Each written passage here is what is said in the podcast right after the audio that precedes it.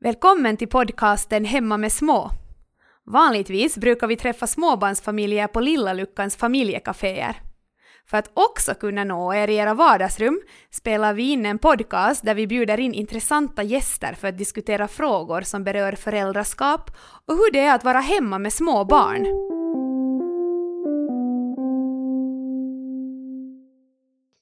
Hej!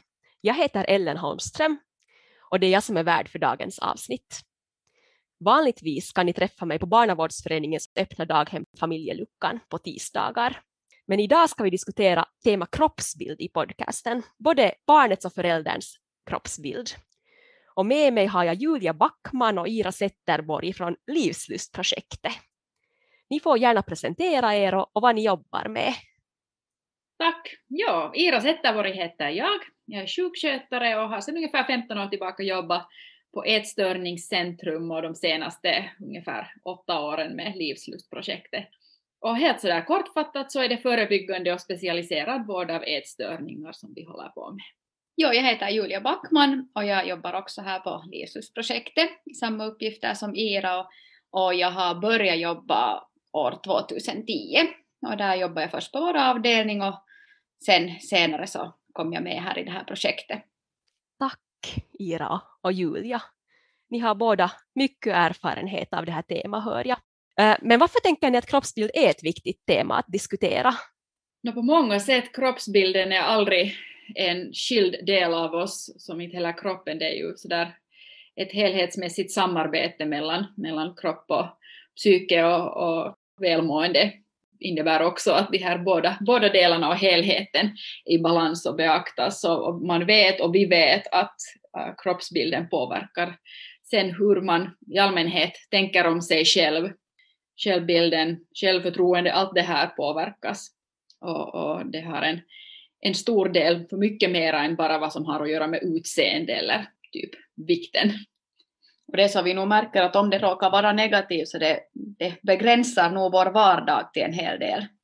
Precis, så det påverkar självbilden och, och välmående överlag och, och ja. just hur vardagen ser ut. Jag tänkte vi börjar med att fokusera på, på barnets kroppsbild. Vad är, vad är sånt som påverkar den? Och barnen lär ju sig så mycket via sin omgivning. Och delvis finns det ju förstås det där ganska självklara att, att hur barnets kropp och utseende kommenteras hemma eller ska vi säga sen när man är ett lite större barn, till exempel inom, inom idrottshobby på träningar, hur tränare talar eller i skolan hur lärare talar om, om kroppen och utseende. Så det är, en, det är en viktig del. Sen att, att det är delvis det där som är direkt direkt budskap och kommentarer och sen delvis det att vad man i allmänhet lär sig om att hur människor talar om kroppen och vikten. Så mm. att, att på det sättet också mycket stark inverkan att hur föräldrarna ja, talar om sin egen kropp och definitivt inte bara vad de säger om barnets kropp. Just det. Och är det riktigt från små barn som det här börjar formas, den här kroppsbilden, eller är det först när barnet är äldre som den börjar uppfatta sånt mm, men nu är det redan från när barnet är jätte, jätteliten att, att kanske föräldrarna tänker att barnet inte, inte märker eller förstår men att de upptar nog redan från en jätteung ålder det att hur föräldrarna själv pratar om sina kroppar eller också det att hur pratar föräldrar om att vad får jag äta, vad får jag inte äta, vad är ohälsosamt. Att det är nog sånt som barnen sedan lyssnar och lär sig av tyvärr precis att den här modellinlärningen fungerar fast det är inte om, om barnets kropp ja. man talar förhåller sig till. Om man tänker så här som, som kultur till exempel om man sitter i middagsbordet tillsammans, vilket inte är någon självklarhet nu för tiden speciellt, men om man gör det så om det är så där att, att man på något sätt lite så där halvhjärtat kommenterar att man såg någon bekant som hade helt tydligt gått upp i vikt eller man såg någon annan och oj så den såg ut eller hade gått hemskt mycket ner i vikt och såg jättebra ut mm. som, som nog ofta är en sån där koppling där det blir en sån där, det blir som beröm och man förmedlar helt tydligt att det här är något viktigt och att, att smal eller att man har gått ner i vikt är lika med bättre och så där. Så, så också bara den där kulturen som man, som man liksom växer upp i och, och lär sig via det att, att vad är sånt som borde prioriteras om man lär sig tänka kanske då att okej okay, det här är viktigt. Precis, att det gäller att fundera egentligen i alla situationer där barn är med, att hur man talar om sin egen kropp, om andras kroppar. Ja. och så här och kring ätande. Men vad kan man som förälder göra för att stödja en positiv kroppsbild hos sitt barn? Men där är ju just det där att hur, hur man själv förhåller sig till sin egen kropp och hur man tänker om den. Att om man själv pratar positivt om sin kropp och kan acceptera sin egen kropp och just det här förmedla till barnet att alla kroppar är helt okej okay, oberoende hur man ser ut. Mm. Så det är ju liksom redan en stor, stor grej hur man kan visa en positiv kroppsbild.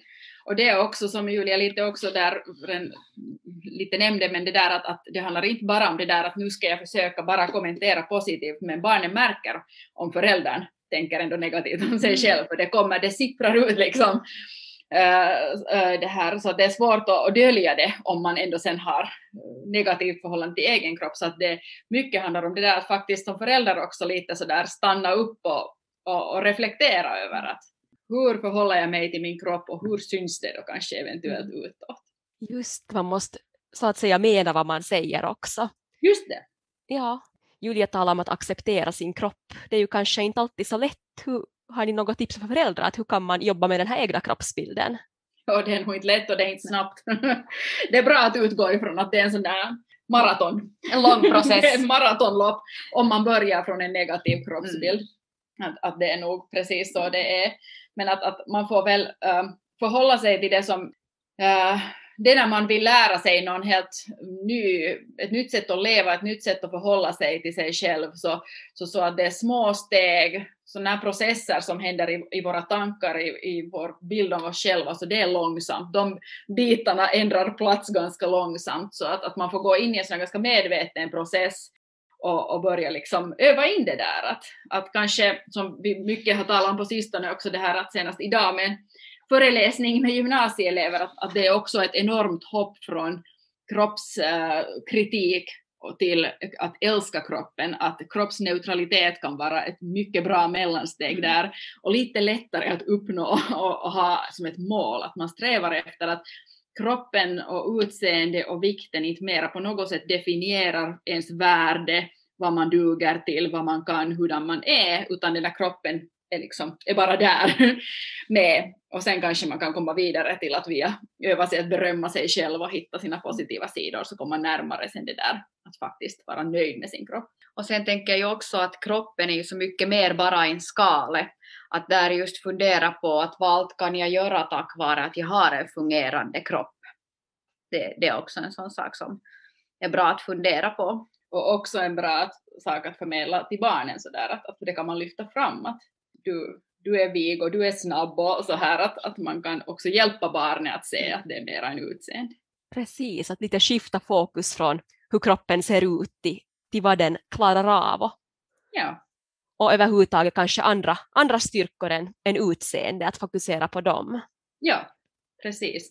Och det här är ju sånt som, som uh, också om man talar om att hur föräldrars exempel påverkas, det, det är också där en utmaning till föräldrarna, att om man är van vid att alltid klämma på sig själv framför spegeln och framför barnet och alltid är man på någon diet och sådär, att där, där har man också sin utmaning sen att först på, på riktigt försöka få själv, fast sig själv för alla de här gångerna när det där händer och sen ännu börja öva in sig det där att, det där att man då framför barnet också kan konstatera att att aj vad jag har härligt, härligt mjuk mage eller någonting här, att man kan ändra om det där helt liksom, att, att, mm. att det är nog ett viktigt sätt att ge ett gott exempel också till barn. Precis, så det gäller att börja med sig själv. Mm. Vad kan man då göra om man känner igen sig i att man är den här som klämmer på, på valkar i, i spegeln och kanske har mycket negativa tankar om, om sin egen kropp? Vilket säkert är ganska många och ganska mm. vanligt. Men att där första steget skulle jag nog säga att man faktiskt blir medveten om att så här tänker jag, att man faktiskt inser att, att det är negativt det jag tänker och därifrån sen börja hitta någonting positivt just i sig själv. Och just som jag sa tidigare, att flytta just det här fokusen från det här utseendet, hellre, hellre fundera på att tack vare min kropp så kan jag göra så mycket mer.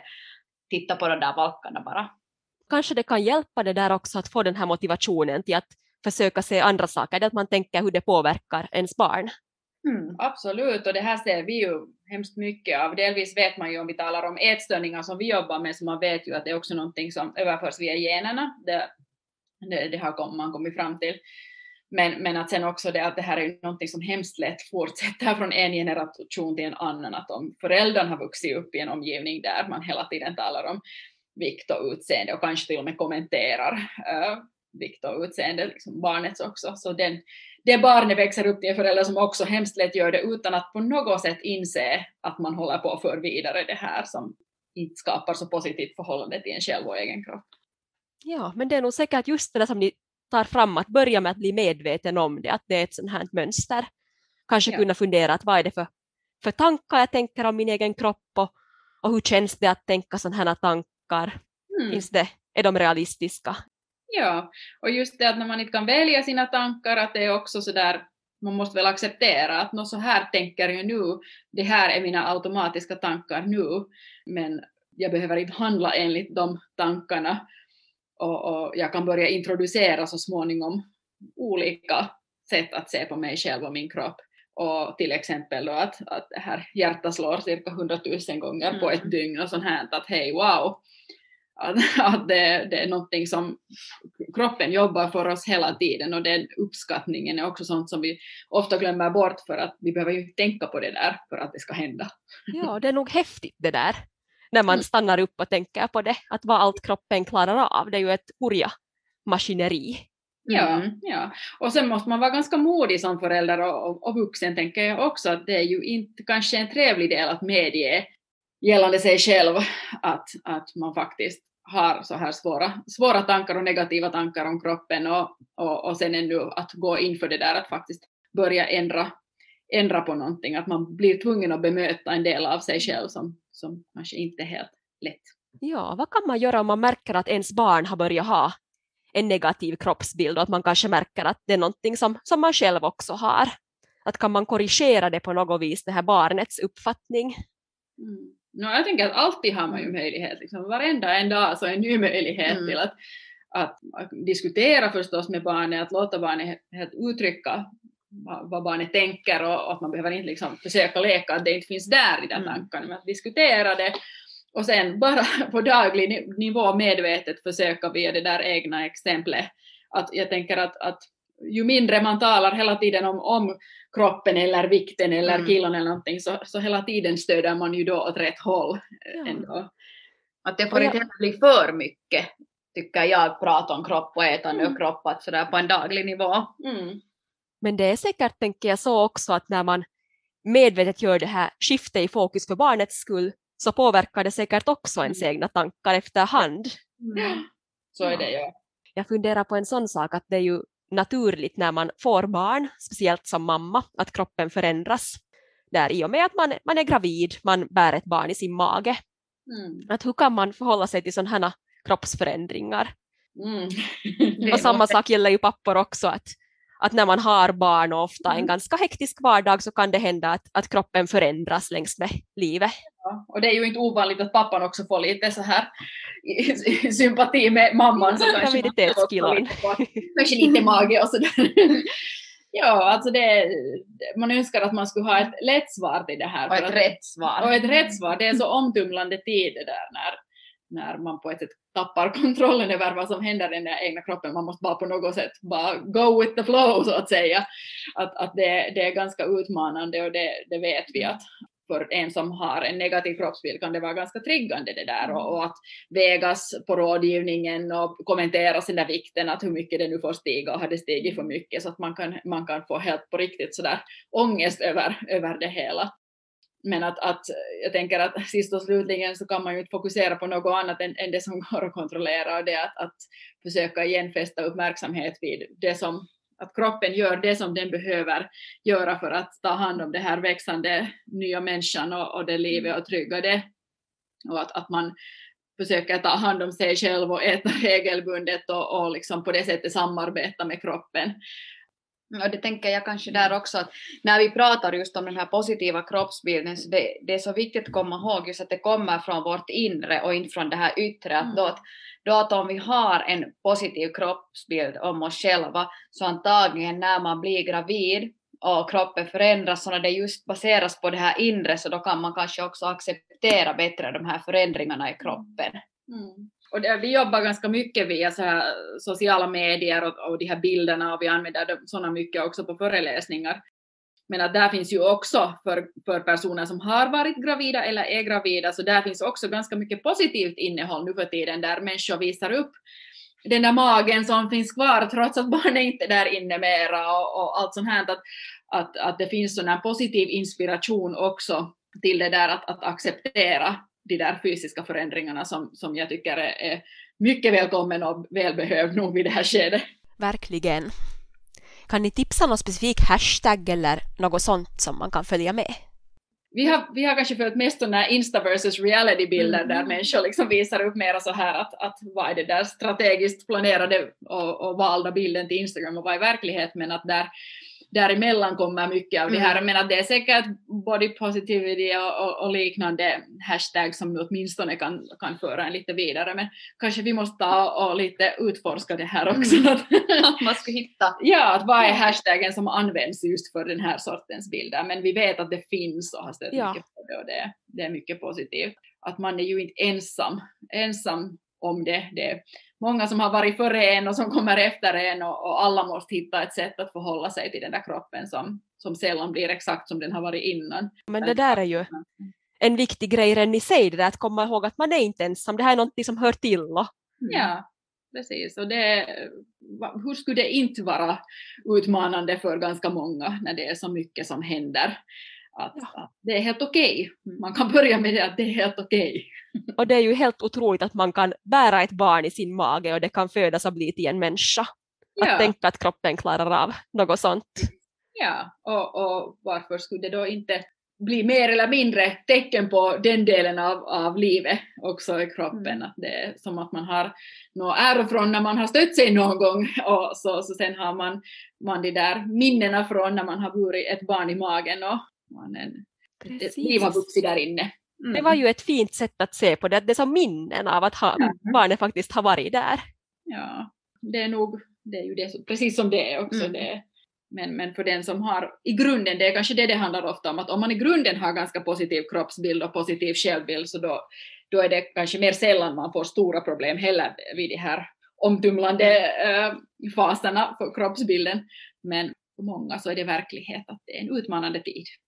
Men jag tycker att det var också en, en viktig grej som ni lyfte upp, att den här kroppsbilden, att det att är den negativ eller är den positiv, att det har egentligen inte så mycket att göra med vad, hur kroppen ser ut, utan det har kanske mera just att göra med att, ja, vad har det att göra med?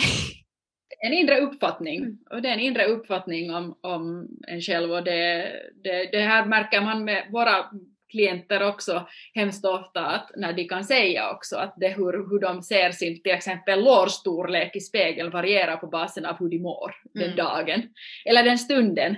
Att det kan variera inom en dag. Så det berättar mycket om just det där att hur mycket det egentligen påverkas av hur vi i allmänhet mår och tänker om oss själva. Precis. Så det är inte så kopplat till hur, hur det egentligen ser ut utan det är så jättekopplat till resten av välmående. Mm. Och många fastnar säkert i det där att de försöker fixa just det där inre med att ändra på det yttre. Mm. Och det lyckas säkert inte. Mm. Men här har kommit mycket tips som man kan tänka på som förälder.